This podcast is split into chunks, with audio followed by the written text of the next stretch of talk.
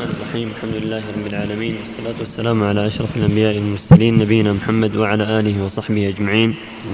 أما بعد فقال الإمام مسلم رحمه الله تعالى وحدثني سلمة بن شبيب حدثنا الحسن بن أعين حدثنا معقل وهو ابن عبيد الله الجزري عن أبي الزبير عن جابر قال قال رسول الله صلى الله عليه وسلم الاستجمار تو ورمي الجمار تو والسعي بين الصفا والمروة تو والطواف تو وإذا استجمر أحدكم فليستجمر بتو اللهم صل وسلم. معنى تو يعني وتر. الاستجمار وتر ثلاث أو خمس أو سبع. والطواف تو وتر سبع. والسعي وتر سبع. ورمي الجمار سبع. كلها وتر. نعم. وإذا استجمر فليوتر. إذا استجمر بالحجارة أو باللبن فليوتر.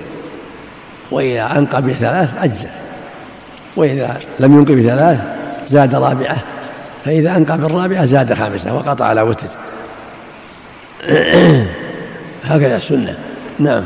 ويكفي عن الماء. يستجمر بحجارة أو بالمناديل الخشنة الطاهرة أو باللبن أو بالتراب. وأزال الأذى ثلاث مرات فأكثر. كفى عن الماء. والماء وحده يكفي. وإن جمع بينهما كان أكمل أو أفضل. نعم.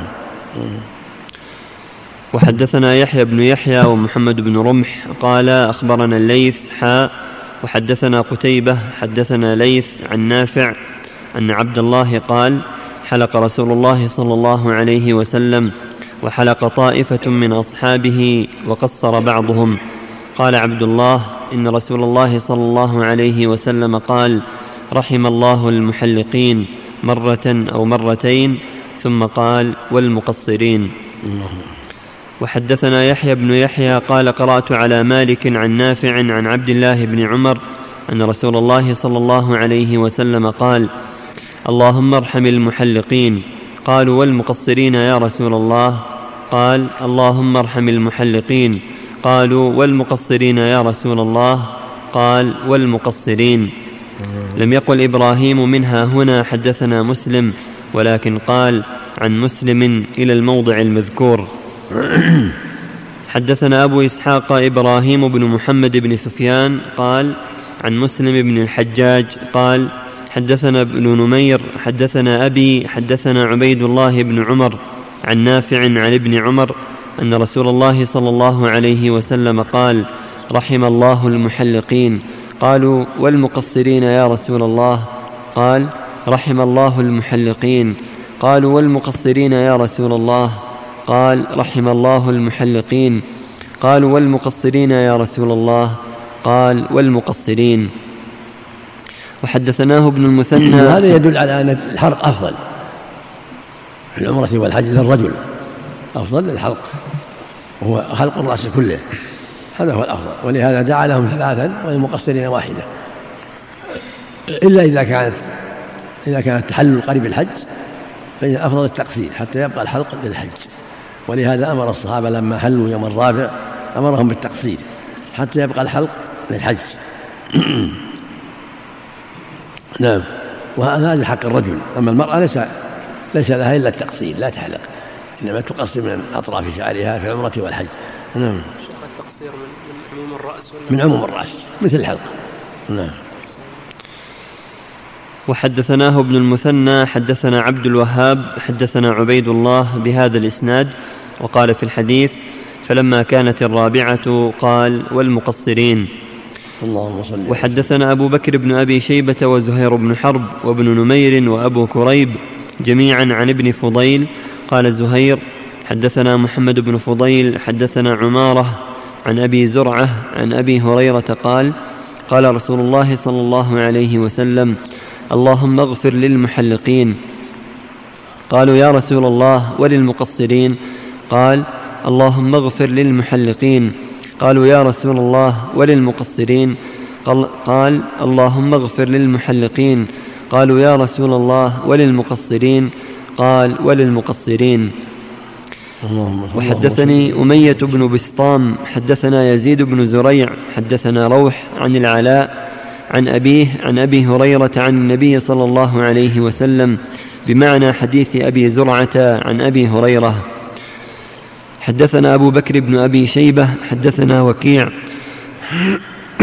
وأبو داود الطيالسي عن شعبة عن يحيى بن الحصين عن جدته أنها سمعت النبي صلى الله عليه وسلم في حجة الوداع دعا للمحلقين ثلاثا وللمقصرين مرة ولم يقل وكيع في حجة الوداع. وحدثنا قتيبة بن سعيد حدثنا يعقوب وهو ابن عبد الرحمن القاري حا. وحدثنا قتيبة حدثنا حاتم يعني ابن إسماعيل كلاهما عن موسى بن عقبة عن نافع عن ابن عمر أن رسول الله صلى الله عليه وسلم حلق رأسه في حجة الوداع. وحدثنا يحيى بن يحيى أخبرنا حفص بن غياث عن هشام عن محمد يعني فالحلق أفضل لأمرين لكونه فعله ولكونه دعا للمحلقين ثلاثا والرابع هو الرابعة المقصرين. المقصود أن الحلق أفضل في الحج في الحق في الحج والعمرة لأنه فعل النبي صلى الله عليه وسلم في الحج ولأنه دعا لهم أكثر مما دعا للمقصرين. نعم اللهم صل على محمد. وحدثنا يحيى بن يحيى أخبرنا حفص بن غياث عن هشام عن محمد بن سيرين عن أنس بن مالك أن رسول الله صلى الله عليه وسلم أتى منى فأتى الجمرة فرماها ثم أتى منزله بمنى ونحر ثم قال للحلاق خذ وأشار إلى جانبه الأيمن ثم الأيسر ثم جعل يعطيه الناس. وهذا يدل على أن الأفضل يبدأ بالشق الأيمن في الحلق أن الحلق يبدأ بالشق الأيمن ثم الأيسر. وقد قسم الشعر بين الناس لما جعل الله في شعره من البركة. أعطى النصف أبا طلحة والنصف وزعه بين الناس لما جعل الله في شعره وعرقه وما مس جسده من البركة عليه الصلاة والسلام. نعم لأنه مبارك. اللهم صل عليه وسلم. وحدثنا أبو بكر بن أبي شيبة وابن نمير وأبو كريب. ولا يجوز أن يقاس عليه أحد. لا يجوز أن يقاس عليه. بل هذا خاص به صلى الله عليه وسلم. ولهذا لم يأخذ الصحابة شعر أبي بكر ولا تبرك بثيابه ولا بعرقه ولا عمر ولا عثمان ولا علي ولا غيرهم. لعلمهم بأن هذا مختص بالرسول صلى الله عليه وسلم. نعم صل عليه وحدثنا أبو بكر بن أبي شيبة وابن نمير وأبو كريب قالوا أخبرنا حفص بن غياث عن هشام بهذا الإسناد أما أبو بكر فقال في روايته للحلاق ها. وأشار بيده إلى الجانب الأيمن هكذا فقسم شعره بين من يليه قال ثم أشار إلى الحلاق وإلى الجانب الأيسر فحلقه فأعطاه أم سليم. وأما في رواية أبي كريب قال فبدأ بالشق الأيمن فوزعه الشعرة والشعرتين بين الناس ثم قال بالأيسر فصنع به مثل ذلك ثم قال ها هنا أبو طلحة فدفعه إلى أبي طلحة. اللهم أبو طلحة هو زوج أم سليم زوج أم سليم وهو وهي أم أنس. النصف أعطاها أبو طلحة والنصف الثاني وزع بين الناس نعم. اللهم صل على وسلم وحدثنا محمد بن المثنى حدثنا عبد الأعلى حدثنا هشام عن محمد عن أنس بن مالك أن رسول الله صلى الله عليه وسلم رمى جمرة العقبة ثم انصرف إلى البدن فنحرها والحجام جالس وقال بيده عن رأسه فحلق شقه الأيمن فقسمه في من يليه ثم قال احلق الشق الآخر فقال أين أبو طلحة؟ فأعطاه إياه. وحدثنا ابن أبي عمر حدثنا سفيان سمعت هشام بن حسان يخبر عن ابن سيرين عن أنس بن مالك قال لما رمى رسول الله صلى الله عليه وسلم الجمرة ونحر نسكه وحلق ناول الحالق شقه الأيمن فحلقه ثم دعا أبا طلحة, أبا طلحة الأنصاري فأعطاه إياه ثم ناوله الشق الأيسر فقال احلق فحلقه فأعطاه أبا طلحة فقال اقسمه بين الناس. وحدثنا يحيى بن يحيى قال قرأت على مالك عن ابن شهاب عن عيسى بن طلحة بن عبيد الله عن عبد الله بن عمرو بن العاص قال وقف, وقف رسول الله صلى الله عليه وسلم في حجة الوداع بمنى للناس يسألونه فجاء رجل فقال يا رسول الله لم أشعر فحلقت قبل أن أنحر. قال اذبح ولا حرج. ثم جاءه رجل آخر فقال يا رسول الله لم أشعر فنحرت قبل أن أرمي. فقال ارمي ولا حرج. قال فما سئل رسول الله صلى الله عليه وسلم يومئذ عن شيء قدم ولا أخر إلا قال افعل ولا حرج. هذا من تيسير الله لأن المقام يغلط فيه الناس ينسون. فكان هذا من توسيع الله. السنة أن يرمي ثم ينحر إن كان عنده نحر ثم يحلق أو يقصر ثم يطوف. هذا السنة كما فعله النبي صلى الله عليه وسلم. هذا الترتيب المشروع للحاج أن يرمي أولا جرة العقبة يوم العيد ثم ينحر هدي إن كان عنده هدي كما فعل النبي صلى الله عليه وسلم ثم يحلق أو يقصر والحلق أفضل ثم الطواف والسعي إن كان عليه سعي. هذا الترتيب المشروع.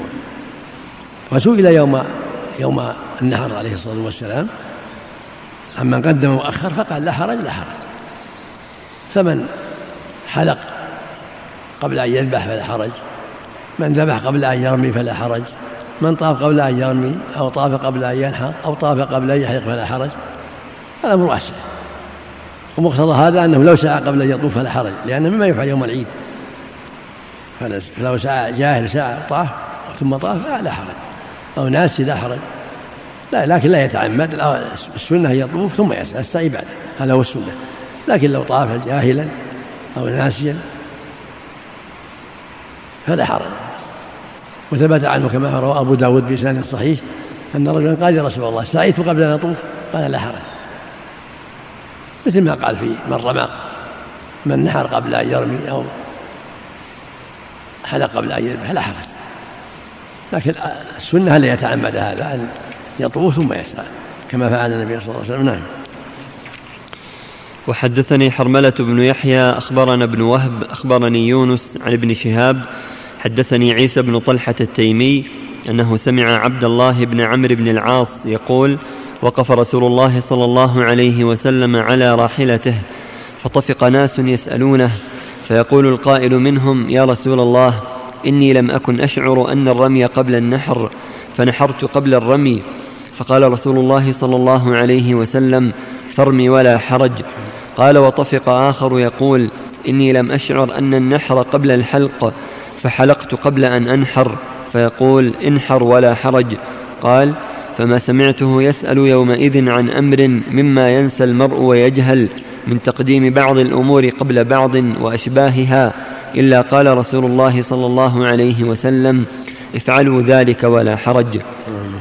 اللهم صل عليه وسلم. اللهم صل عليه وحدثنا حسن الحلواني حدثنا يعقوب حدثنا أبي عن صالح عن ابن شهاب بمثل حديث يونس عن الزهري إلى آخره. وحدثنا علي بن خشرم أخبرنا عيسى عن ابن جريج قال سمعت ابن شهاب يقول حدثني عيسى بن طلحة حدثني عبد الله بن عمرو بن العاص أن النبي صلى الله عليه وسلم بين هو يخطب يوم النحر فقام إليه رجل فقال ما كنت أحسب يا رسول الله أن كذا وكذا قبل كذا وكذا. ثم جاء آخر فقال يا رسول الله صلى الله عليه وسلم كنت أحسب أن كذا قبل كذا وكذا لهؤلاء الثلاث. فقال افعل ولا حرج. وحدثناه عبد بن حميد حدثنا محمد بن بكر حاء وحدثني سعيد بن يحيى الأموي حدثني أبي جميعا عن ابن جريج بهذا الإسناد. أما رواية ابن بكر فكر فكرواية عيسى إلا قوله لهؤلاء الثلاث فإنه لم يذكر ذلك. وأما يحيى الأموي ففي روايته حلقت قبل أن أنحر نحرت قبل أن أرمي وأشباه ذلك. وحدثناه أبو بكر بن أبي شيبة وزهير بن حرب. قال أبو بكر حدثنا ابن عيينة عن الزهري عن عيسى بن طلحة عن عبد الله بن عمرو. قال أتى النبي صلى الله عليه وسلم رجل فقال حلقت قبل أن أذبح. قال فاذبح ولا حرج. قال ذبحت قبل أن أرمي. قال ارمي ولا حرج. قال قال قال أتى النبي صلى الله عليه وسلم رجل فقال حلقت قبل أن أذبح. قال فاذبح ولا حرج. قال ذبحت قبل أن أرمي. قال ارمي ولا حرج. وحدثنا ابن أبي اللهم صل عليه وسلم. نعم. وحدثنا ابن أبي عمر وعبد بن حميد عن عبد الرزاق عن معمر عن الزهري بهذا الإسناد. رأيت رسول الله صلى الله عليه وسلم على ناقة بمنى فجاءه رجل بمعنى حديث ابن عيينة. وحدثني محمد بن عبد الله بن قهزاذ حدثنا علي بن الحسن عن عبد الله بن المبارك أخبرنا محمد بن أبي حفصة عن الزهري عن عيسى بن طلحة عن عبد الله بن عمرو بن العاص قال سمعت رسول الله صلى الله عليه وسلم وأتاه رجل يوم النحر وهو واقف عند الجمرة فقال يا رسول الله إني حلقت قبل أن أرمي فقال ارمي ولا حرج. وأتاه آخر فقال إني ذبحت قبل أن أرمي. قال إرمي ولا حرج. وأتاه آخر فقال إني أفضت إلى البيت قبل أن أرمي. قال إرمي ولا حرج. قال فما رأيته سئل يومئذ عن شيء إلا قال افعلوا ولا حرج. وهذا أيضا يقع لبعض الناس وفيه التوسعة والحمد لله وهو الإفاضة قبل أن يرمي. افاض قبل أن يرمي هذا لا حرج.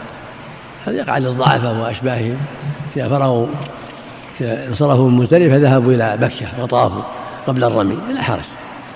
إذا ذهبوا وطافوا قبل الرمي فلا بأس. يرجعون ويرمون. الضحى لا بأس. ولهذا قال يا رسول أفضت قبل أن أرمي؟ قال لا حرج. فإذا ذهب وطاف قبل أن يرمي فلا حرج. لكن الأفضل أن يرمي ثم ينحر ثم يحلق ثم يطوف. هذا هو الأفضل. على هذا الترتيب اللي فعله النبي صلى الله عليه وسلم. أولا يرمي. ثانيا ينحر إن كان عنده نحر. ثالث يحلق أو يقصر والحق أفضل رابعا الطواف هذا هو الترتيب الأفضل. وإذا قدم بعضها على بعض فلا حق العمرة يا شيخ كذلك؟ لا العمرة يرتب يطوف يسعى ويقصر إذا سعى يا شيخ قبل الطواف. هذا نعم. إذا سعى قبل الطواف. الصواب إنه إذا لا بأس لكن لا يتعمد. لأنه يعم حكم حكم الحج. نعم نعم. نعم. باثنين من ثلاثة عند الجمهور إذا رمى أو حلق أو قصر أو رمى وطاف أو طاف وحلق هذا هو الأفضل عند الجمهور هذا هو الواجب عند الجمهور قال بعضهم يكفي الرمي والأحوط والذي ينبغي ألا يحل حتى يفعل اثنين يرمي ويحلق أو يقصر أو يرمي ويطوف أو يحلق ويطوف نعم. وحدثني محمد بن حاتم حدثنا بهز حدثنا وهيب حدثنا عبد الله بن طاووس عن أبيه عن ابن عباس أن النبي صلى الله عليه وسلم قيل له في الذبح والحلق والرمي والتقديم والتأخير فقال لا حرج. اللهم صل عليه وسلم اللهم صل عليه وسلم. نعم. وحدثني محمد بن رافع حدثنا عبد الرزاق أخبرنا عبيد الله بن عمر عن نافع عن ابن عمر أن رسول الله صلى الله عليه وسلم أفاض يوم النحر ثم رجع فصلى الظهر بمنى. قال نافع وكان ابن عمر يفيض يوم النحر ثم يرجع فيصلي الظهر بمنى ويذكر أن النبي صلى الله عليه وسلم فعله. في حديث جابر أنه صلى مكة الظهر. حديث ابن عمر أنه صلى بمنى الظهر. والجمع بينهما أنه صلى الظهر مكة في أول وقتها ثم رجع إلى منى وصلى بالناس الظهر. الذين ينتظرونه ولم يصلوا صلى بهم فكانت له نافلة ولهم فريضة. أما الفريضة فصلىها من مكة الظهر كما قال جابر صلى مكة الظهر. فلما رجع وهم ينتظرون صلى بهم. الظهر نافلة له وفضل لهم كما فعل معاذ. كان معاذ في المدينة يصلي مع النبي العشاء فرضه ثم يرجع إلى قومه وجماعته فيصلي بهم. فهي له نافلة ولهم فريضة. نعم. وحدثني زهير بن حرب حدثنا إسحاق بن يوسف الأزرق أخبرنا سفيان عن عبد العزيز بن رفيع قال سألت أنس بن مالك قلت أخبرني بشيء عقلته عن رسول الله صلى الله عليه وسلم أين صلى الظهر يوم التروية؟ قال بمنى. قلت فأين صلى العصر يوم النفر؟ قال بالأبطح. ثم قال افعل ما يفعل أمراؤك. يعني أن في منى صلى الظهر يوم الثامن. توجه من مكة قبل الظهر صلى الظهر في منى يوم الثامن. هذا هذا هو الأفضل. وعند النزول يصلي في الأبطح. من تعجل يوم يوم الثاني عشر يصلي الظهر في الأبطح أو في بيته إذا ما فت ما أدرك الجماعة. وإن كان تأخر يوم الثالث عشر كذلك يأخر الظهر حتى يصليها في الأبطح يعني في مكة. لا يصليها في منى إذا تعجل يوم الثاني عشر أو يوم الثالث عشر تكون صلاته في في مكة. يتعجل قبل أن يصلي الظهر. يرمي ثم يمشي في الثاني عشر أو في الثالث عشر إذا لم يتعجل. لفعل النبي صلى الله عليه وسلم أنه رمى الجمرة يوم الثالث عشر ثم توجه إلى مكة وصلى في الأبطع الظهر والعصر. نعم. حدثنا محمد بن مهران الرازي حدثنا عبد الرزاق عن معمر عن أيوب عن نافع عن ابن عمر أن النبي صلى الله عليه وسلم وأبا بكر وعمر كانوا ينزلون بالأبطح. وحدثني محمد بن حاتم بن ميمون حدثنا روح بن عبادة حدثنا صخر بن جويرية عن نافع أن ابن عمر كان يرى التحصيب سنة وكان يصلي الظهر يوم النفر بالحصبة. قال نافع قد حصب رسول الله صلى الله عليه وسلم والخلفاء بعده. إيش؟ عن ابن عمر. أعيد وحدثني محمد بن حاتم بن ميمون حدثنا روح بن عبادة حدثنا صخر بن جويرية عن نافع أن ابن عمر كان يرى التحصيب سنة وكان يصلي الظهر يوم النفر بالحصبة. نعم. قال نافع قد حصب رسول الله صلى الله عليه وسلم والخلفاء بعده. يعني صلوا الظهر بالحصبة يعني بالأبطح. الظهر والعصر يوم النفر يعني. وهو اليوم الأخير الثالث عشر وهكذا من عجل يوم النفر يوم الثاني عشر. السنة أن يصلي من داخل لا يصلي في في منى. نعم يصلي في مكة. نعم. حدثنا أبو بكر بن أبي شيبة وأبو كريب قال حدثنا عبد الله بن نمير حدثنا هشام عن أبيه عن عائشة قالت نزول الأبطح ليس بسنة إنما نزله رسول الله صلى الله عليه وسلم لأنه كان أسمح لخروجه إذا خرج. وأيسر ولهذا تابعه الصديق وعمر ونزلوا في مكانه. تبين عائشة أنه ليس سنة إنما ناسب خروجه ونزل ناسب نزوله فيه. فلو نزل في غيره فلا بأس. لكن الأفضل يتيسر النزول فيه للمسافر. أما إذا صار له بيت ودخل في بيته فالأمر واسع في هذا مثل ما قالت عائشة رضي الله عنها. نعم. وحدثناه أبو بكر بن أبي شيبة حدثنا حفص بن غياث حا وحدثنيه أبو الربيع الزهراني حدثنا حماد يعني بن زيد حا وحدثناه أبو كامل حدثنا يزيد بن زريع حدثنا حبيب المعلم كلهم عن هشام بهذا الإسناد مثله. وحدثنا عبد بن حميد أخبرنا عبد الرزاق أخبرنا معمر عن الزهري عن سالم أن أبا بكر وعمر وابن عمر كانوا ينزلون الأبطح. قال الزهري وأخبرني عروة عن عائشة أنها لم تكن تفعل ذلك وقالت إنما نزله رسول الله صلى الله عليه وسلم لأنه كان منزلا أسمح لخروجه. ولهذا لما طاف طواف الوداع يوم الرابع عشر وصلى الفجر سافر إلى المدينة من نفس الأبطح لأنه كان أيسر لخروجه وأسهل. نعم صلى عليه وسلم. وحدثنا أبو بكر بن أبي شيبة وإسحاق بن إبراهيم وابن أبي عمر وأحمد بن عبدة واللفظ لأبي بكر. حدثنا سفيان بن عيينة عن عمرو عن عطاء عن ابن عباس قال ليس التحصيب بشيء إنما هو منزل نزله رسول الله صلى الله عليه وسلم. يعني مثل ما قالت عائشة قول ابن عباس مثل ما قالت عائشة يعني من نزل فلا بأس ومن ترك فلا بأس. نعم. حدثنا قتيبة بن سعيد وأبو بكر بن أبي شيبة وزهير بن حرب جميعا عن ابن عيينة. قال زهير حدثنا سفيان بن عيينة عن صالح بن كيسان عن سليمان بن يسار قال قال أبو رافع لم يأمرني رسول الله صلى الله عليه وسلم أن أنزل الأبطح حين خرج من منى ولكني جئت فضربت فيه قبته فجاء فنزل. قال أبو بكر في رواية صالح قال سمعت سليمان بن يسار وفي رواية قتيبة قال عن أبي رافع وكان على ثقل النبي صلى الله عليه وسلم.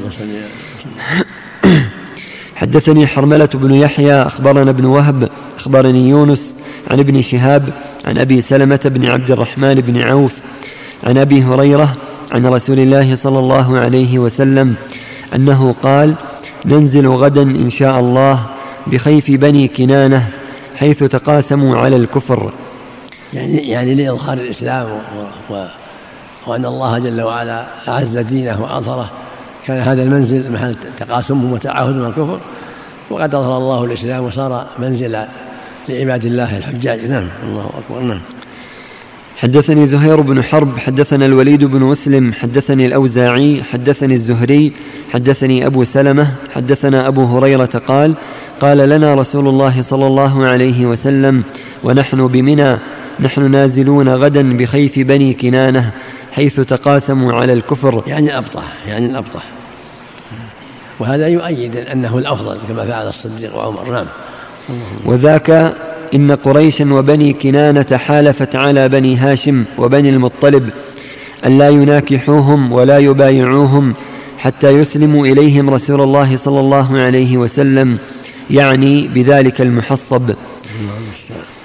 وحدثني وحدثني زهير بن حرب حدثنا شبابه حدثني ورقاء عن أبي الزناد عن الأعرج عن أبي هريرة عن النبي صلى الله عليه وسلم قال منزلنا إن شاء الله إذا فتح الله عز وجل الخيف حيث تقاسموا على الكفر. وحدثنا أبو بكر بن أبي شيبة حدثنا, حدثنا ابن نمير وأبو أسامة قال حدثنا عبيد الله عن نافع عن ابن عمر حاء وحدثنا ابن نمير واللفظ له. حدثنا أبي حدثنا عبيد الله حدثني نافع عن ابن عمر أن العباس بن عبد المطلب استاذن رسول الله صلى الله عليه وسلم أن يبيت بمكة ليالي منى.